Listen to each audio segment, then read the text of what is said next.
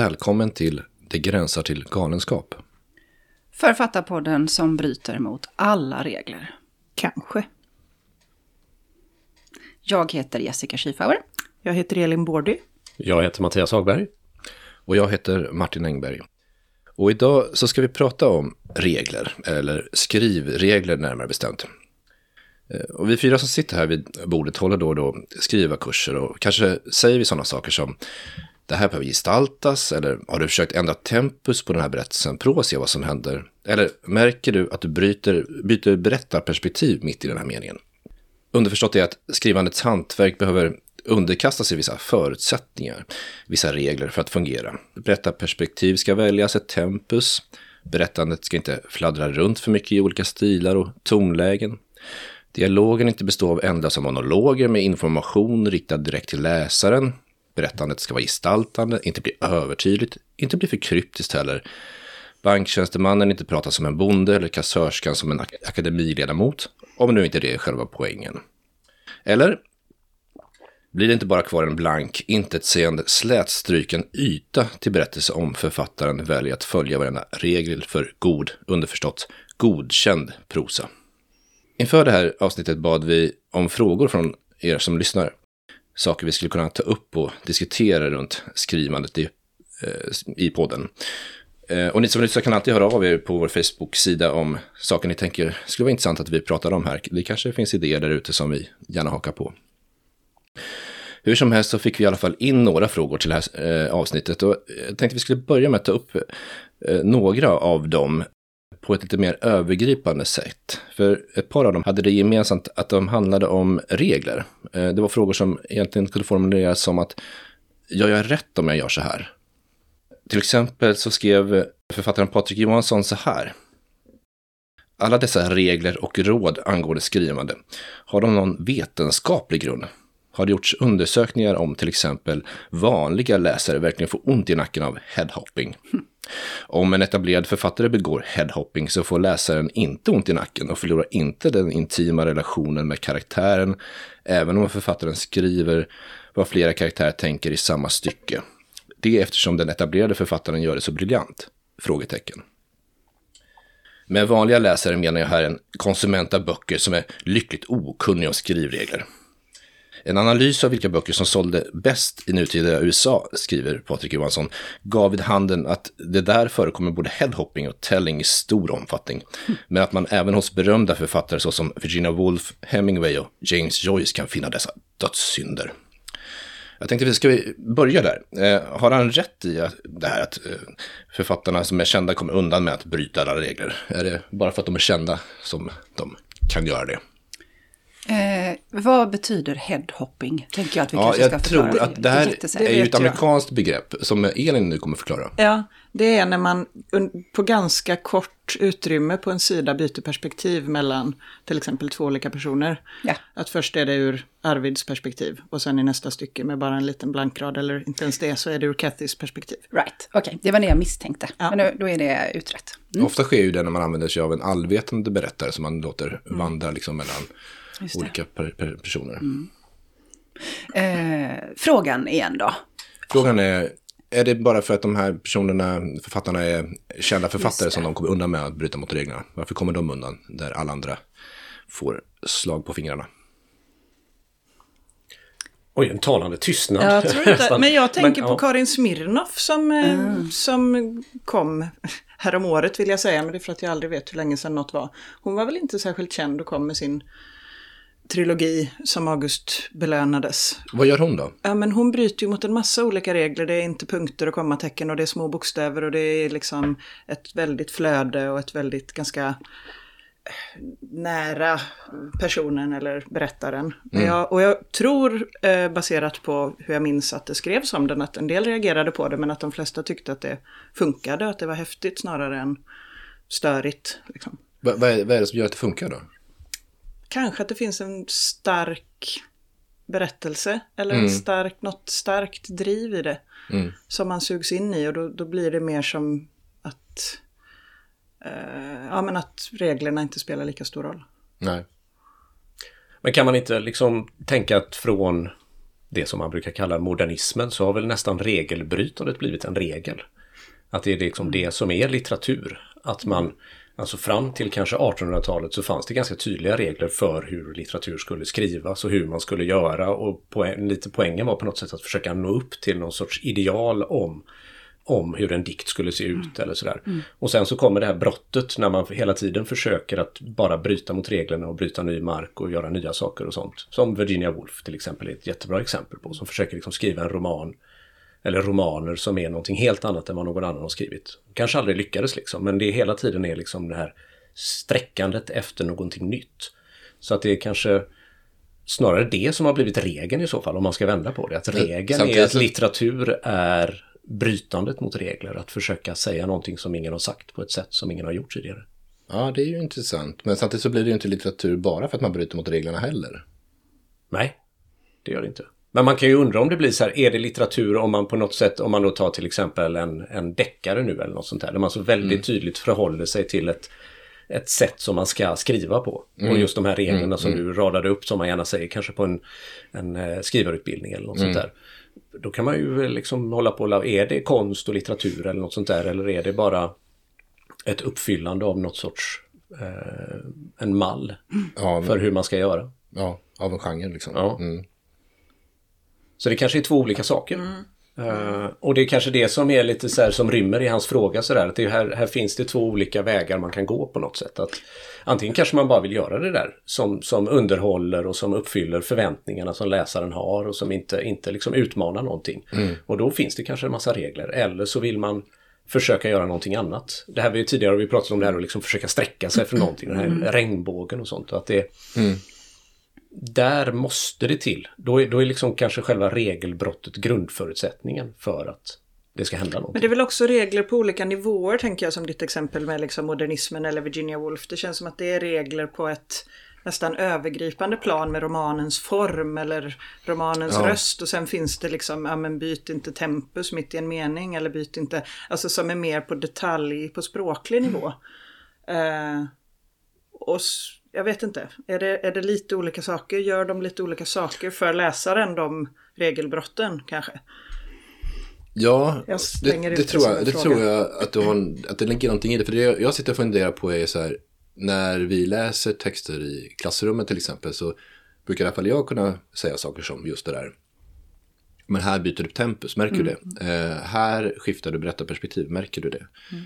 Men varför gör jag det liksom? Vad är poängen med det? Jo men ja, alltså just det där med märker du det, tänker jag är mm. hela, det är hela grund, alltså medvetna regelbrott. Mm.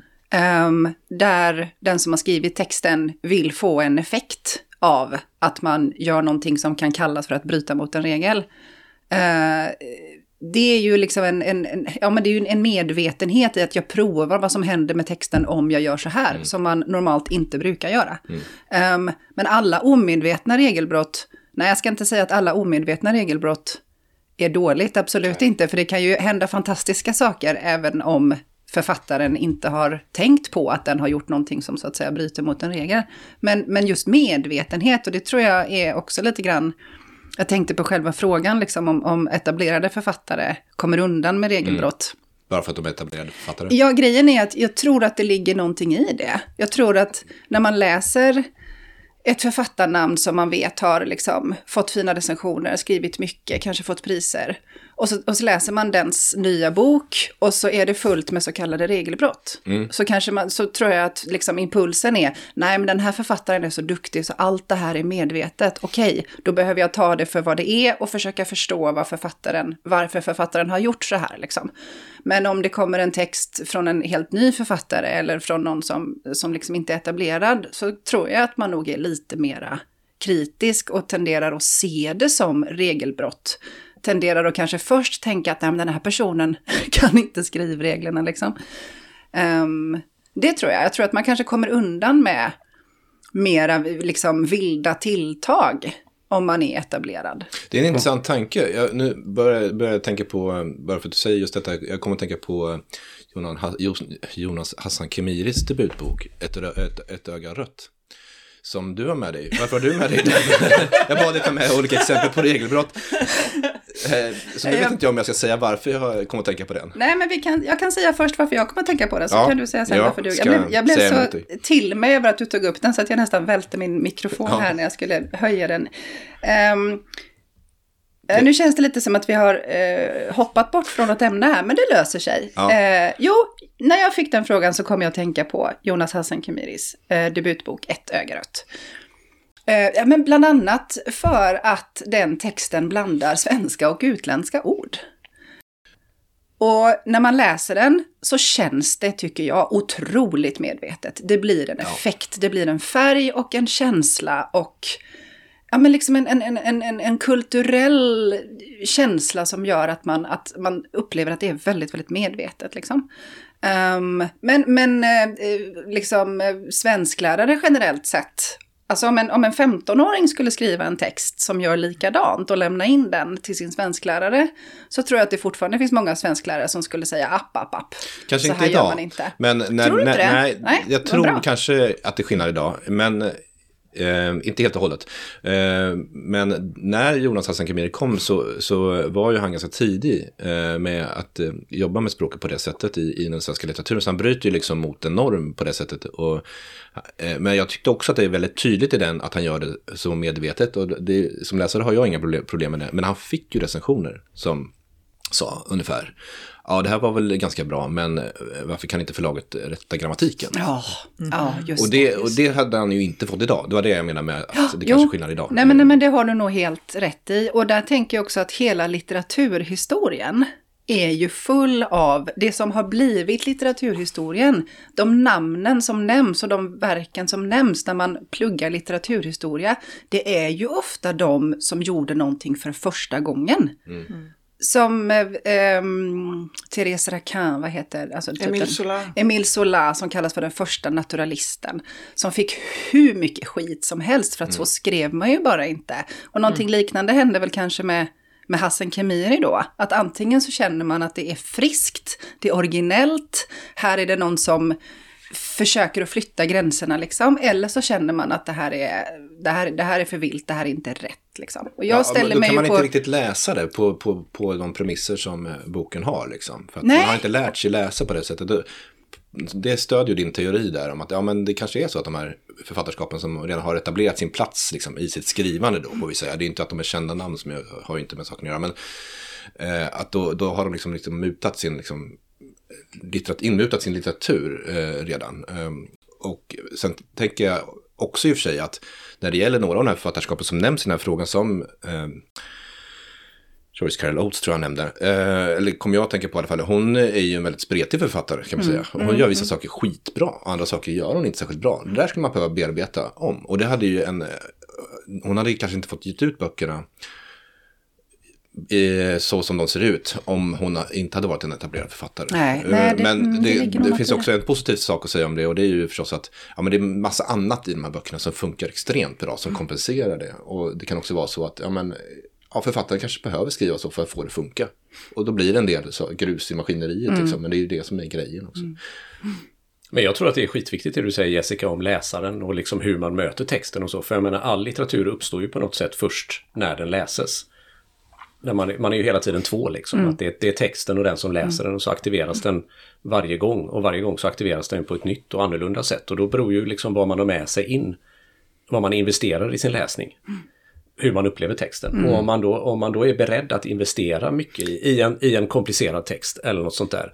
Eller har förväntningar om att det här kommer ge mig någonting för att det här, det här ska vara bra eller något sånt där. Då läser man ju på ett annat sätt. Mm, man läser välvilligare tror jag. Alltså ja, men man, precis. Man, läser med texten istället för mot texten Ja, till exempel. och Och man- då, då kan man tänka så här att ja, men det här som är jättekonstigt skrivet, det här är Jonas Hassan Khemiris blandning av språk eller någonting. Han har en Mm. poäng med det och då tror man på det och så litar man på honom.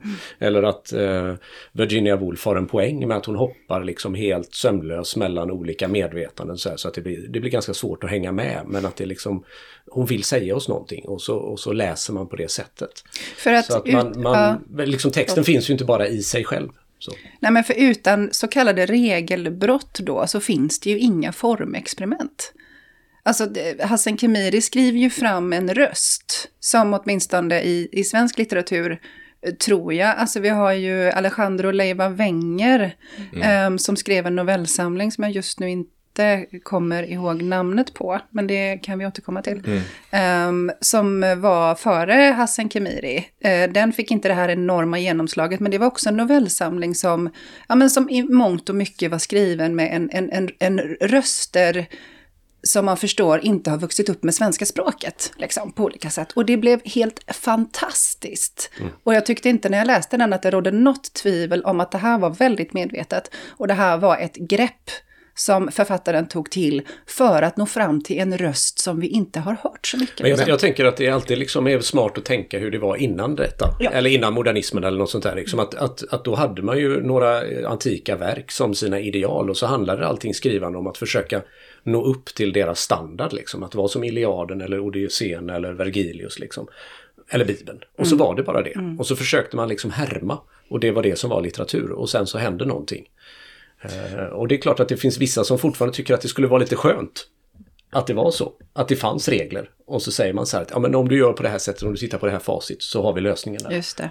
Men jag tänker också med Wenger där, vill jag återkomma till, att det var också väldigt tydligt litterärt medvetet. Alltihopa. Och det Exakt. han också gjorde var ju att han tog in influenser från till exempel Julio Cortázar, som inte någon använde sig av nästan i, i, i svensk litteratur. Och det tror jag också många missade liksom i början. Men hans novellsamling har ju haft ett jättestort inflytande över svensk litteratur på ett sätt som ja, eh, förändrat svensk litteratur skulle jag säga. Och det är kanske är en anledning till att han har gått över till att skriva dramaturgi, jag vet mm. inte, eller dramatik. Mm.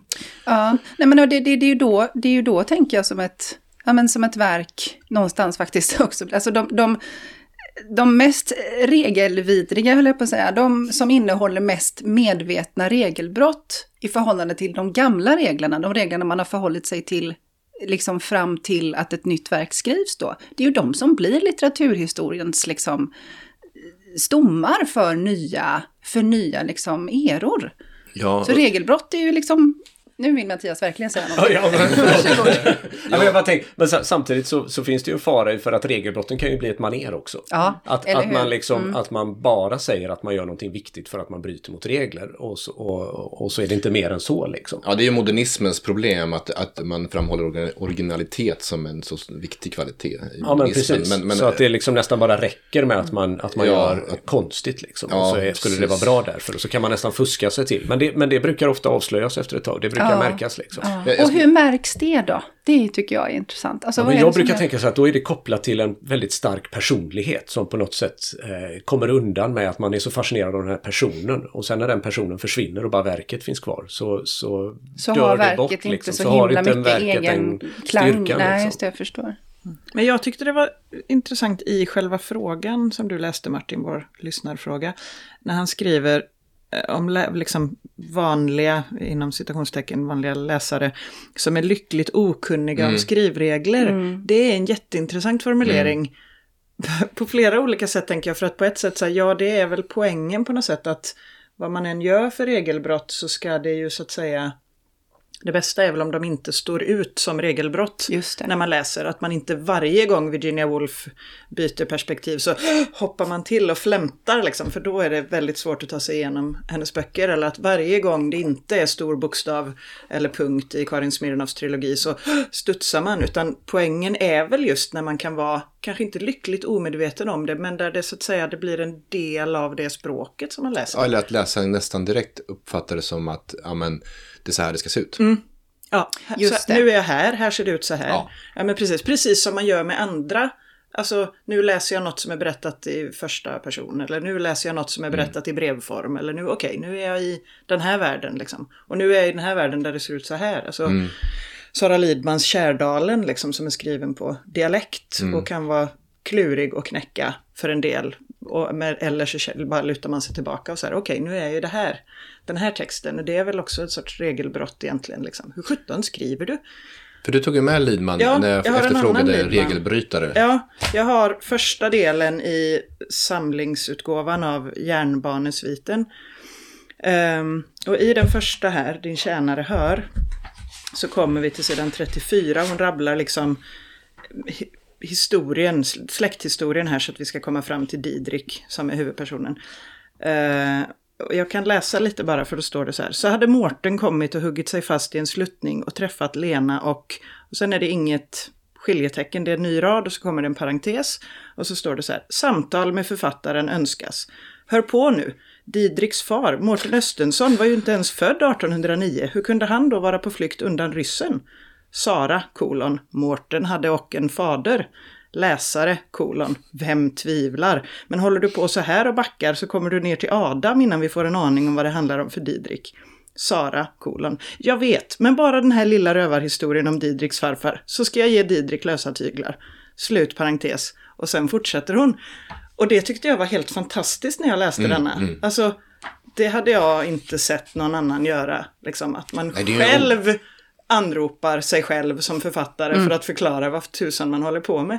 Det är väldigt fritt, det är en stor frihet. Men vad är det som gör att det funkar?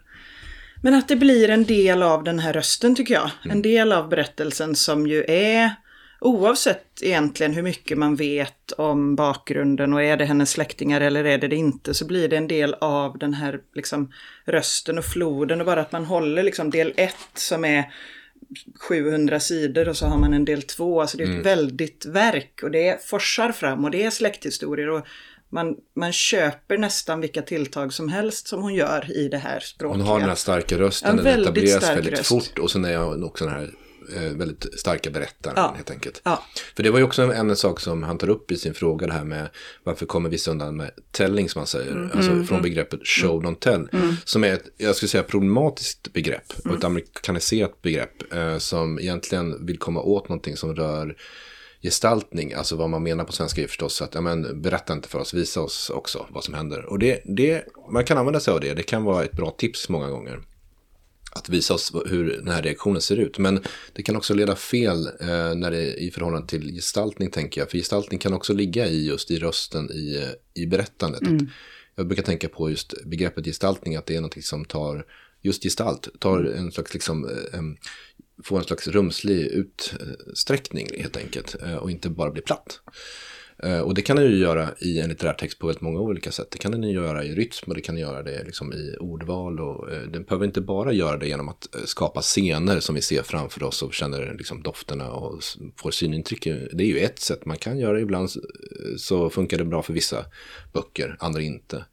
Och det, ska man använda det här begreppet telling, alltså berättande, så finns det ju väldigt många författare, även i, i, i svenska författarskap, som faktiskt är ganska skickliga på det.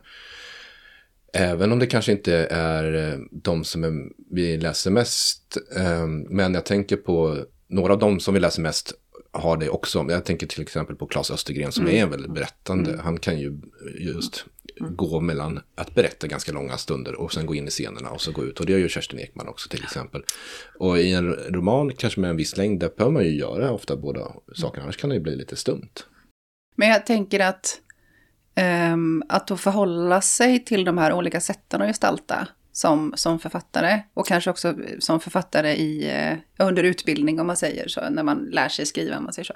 Jag tänker att just det där att förstå själv när man gör vad är Exakt. egentligen kanske allt. Det är så långt man kan komma. Nu väljer jag att berätta ett stycke.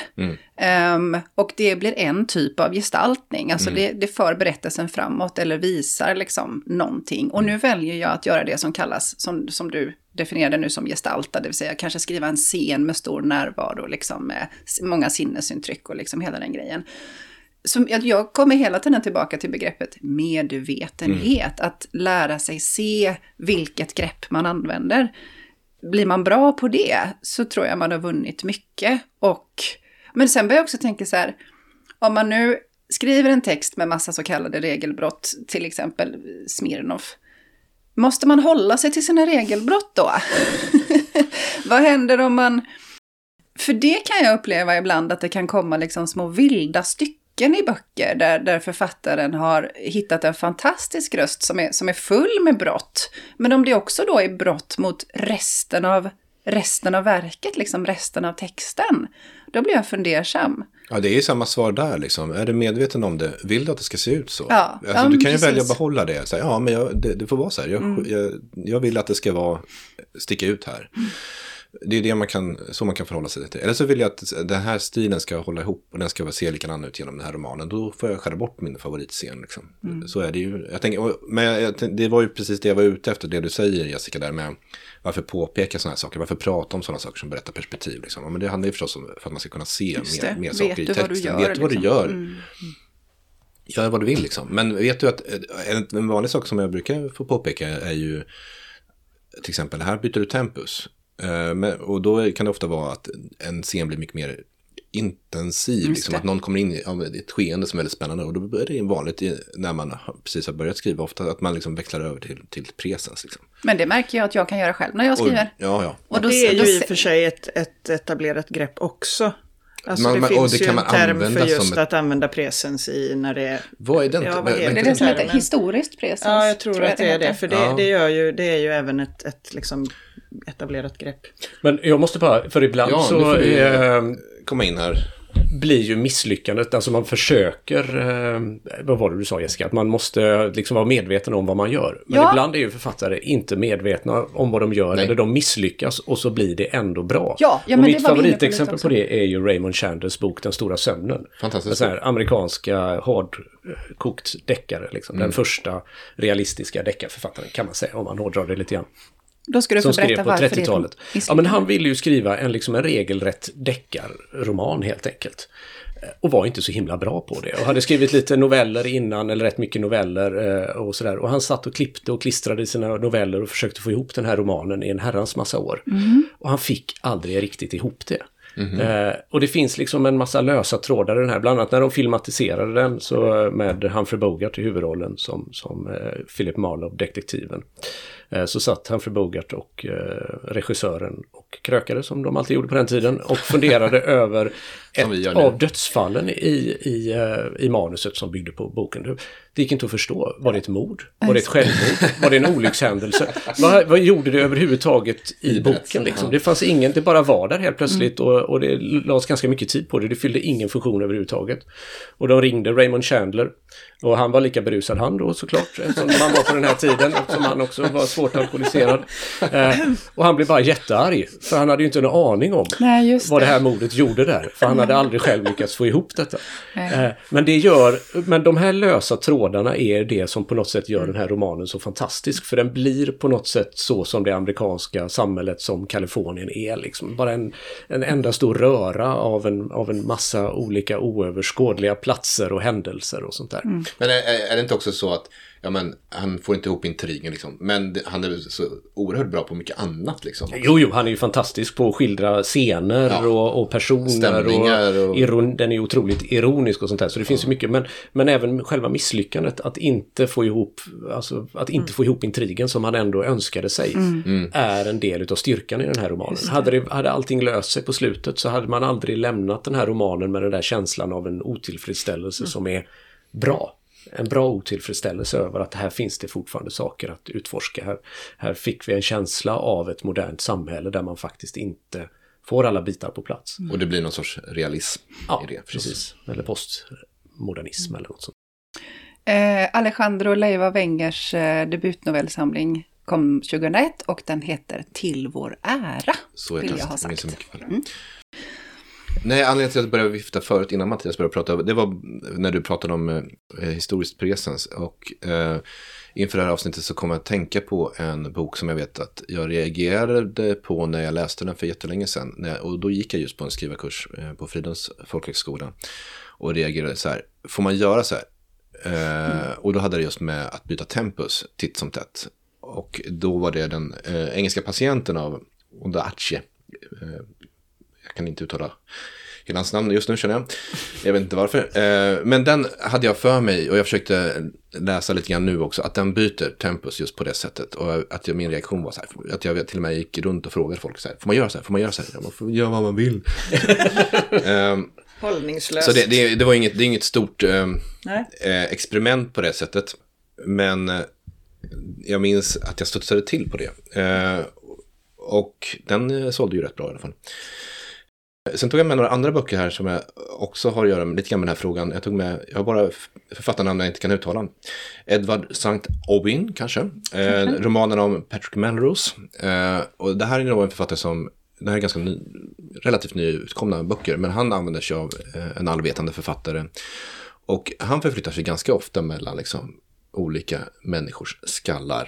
Till exempel finns det en scen som jag brukar ta med på att skriva kurser, eh, där de, ett antal personer sitter runt ett middagsbord och, där, och, och pratar och de är ganska, det är någon sorts överklass liksom. De är ganska jobbiga personer allihopa. Och där författaren går liksom från person till person så man ser liksom det här, eh, den här situationen från allas ögon. Och där har det en väldigt tydlig poäng. Eh, att det är också någon sorts liksom, sedesskildring av den här överklassen. Liksom. Eh, och det kan han nästan bara göra på det sättet. Liksom. Eh, så det är väldigt skickligt. Men, men eh, jag vet att jag flera gånger så här tänkte på de här regelbrotten när jag läste dem. Liksom, att det fungerar. Och jag måste bara få, när, vi, när vi ändå håller på och kör olika böcker här så eh, jag älskar att ta upp Lotta Lotas i sådana här sammanhang. Som ju på något sätt medvetet eh, kanske då bryter mot det vi sa att om det bara verket inom sig själv är konsistent och liksom hänger ihop så, så är det, så är det okej. Okay, liksom. För hon, hon strävar ju efter att skriva svårt så att läsaren inte riktigt ska begripa. Och har någon liksom idé, om jag har förstått det rätt när man har läst hennes andra essäer och sånt, om att det det skapar, alltså ju fler lösningar som finns till texten, desto ah. bättre är det. För på det sättet är det läsaren som ska jobba. Eh, och tillsammans så skapas det olika saker mm. hela tiden. Så att, den, mm. så att det är ju liksom jättekrångligt att läsa hennes och det är liksom precis på gränsen till att man förstår vad det står. Och så har hon någon sorts poäng då med att det det ska hända saker då i, men i texten. Hon är ju att det är energin som skapas liksom i mötet där. Ja, förlåt. Nej, men hon är också ett väldigt bra exempel på en sak som jag tänker runt där när vi ställer frågan, men vad är då ett regelbrott? För att jag menar, basen i hennes skrivande är ju på något vis alltid språket, den här oerhörda liksom, språkkänslan som hon har och rytmkänsla. Liksom. Så att det, är liksom, det är det som bär. Eh, för att ofta när vi pratar om regler så är det sammanknippat med narrativ. Liksom, mm. Att man bryter mot olika liksom, narrativa eh, grepp. Och Lotas är ju också poet. Uh, och nu har vi pratat utifrån prosa. Går man över till lyrik så ser man ju, ja men där är det mycket friare kanske hur man rör sig liksom. Mellan olika sätt att tilltala läsaren. Uh, det finns inte de här narrativa kraven som prosan har. Uh, och jag ska bara ta ett sista exempel här. Och det är en roman av uh, Ukon, Ulf ja. Karl Nilsson, mm. som heter Jag befinner mig i ett överflöd av kärlek. Den det kanske är ett enda pågående regelbrott, helt mm. enkelt. Den är fantastisk. Den är fantastisk. Sin, uh, I sin regelvidrighet. Ja, och, och den liksom är helt, helt vild.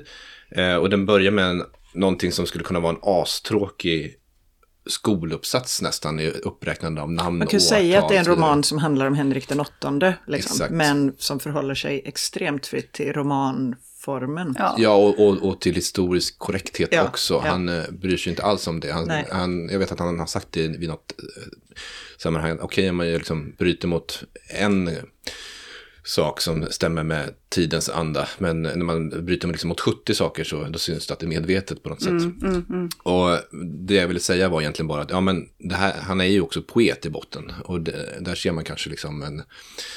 Det kanske märks eh, i den här romanen att det är en roman skriven av en poet verkligen. Som då inte förhåller sig till de här eh, regel, reglerna eller regelbrotten. Liksom. Mm. Nej, där är det ju mer som att han är en poet som provar ett plagg, eller provar att sy ett plagg som är romanen, men han gör det lite mer så här, han lägger ut mönstret och syr han ihop det på ett lite dadaistiskt vis. Snygg. Och nu ska vi se hur det blir. Snygg liknelse, mycket bra, spot on tycker jag. Ja. Um, jag vill bara nämna, jag vet att vi ska avrunda, men jag vill bara nämna, nämna eh, en tendens som jag tycker mig ha sett. Både i ganska eh, nyutkommen litteratur och som jag ser ganska ofta och mycket av hos mina skrivarelever. Kommer du förolämpa någon? Nej, jag kommer absolut inte att förolämpa någon. För jag, jag, tycker personligen att det är en positiv tendens. Um, och det är att jag ser, uh, bland utgiven litteratur så vill jag nämna Sanne Näslings um, Kapitulera omedelbart eller dö som är en roman som är skriven med väldigt mycket engelska insprängd i det svenska språket. Mm. Och det är någonting som jag ser mer och mer hos mina skrivarelever och det gör någonting rätt häftigt tycker jag med texterna. Så fler regelbrott säger jag bara.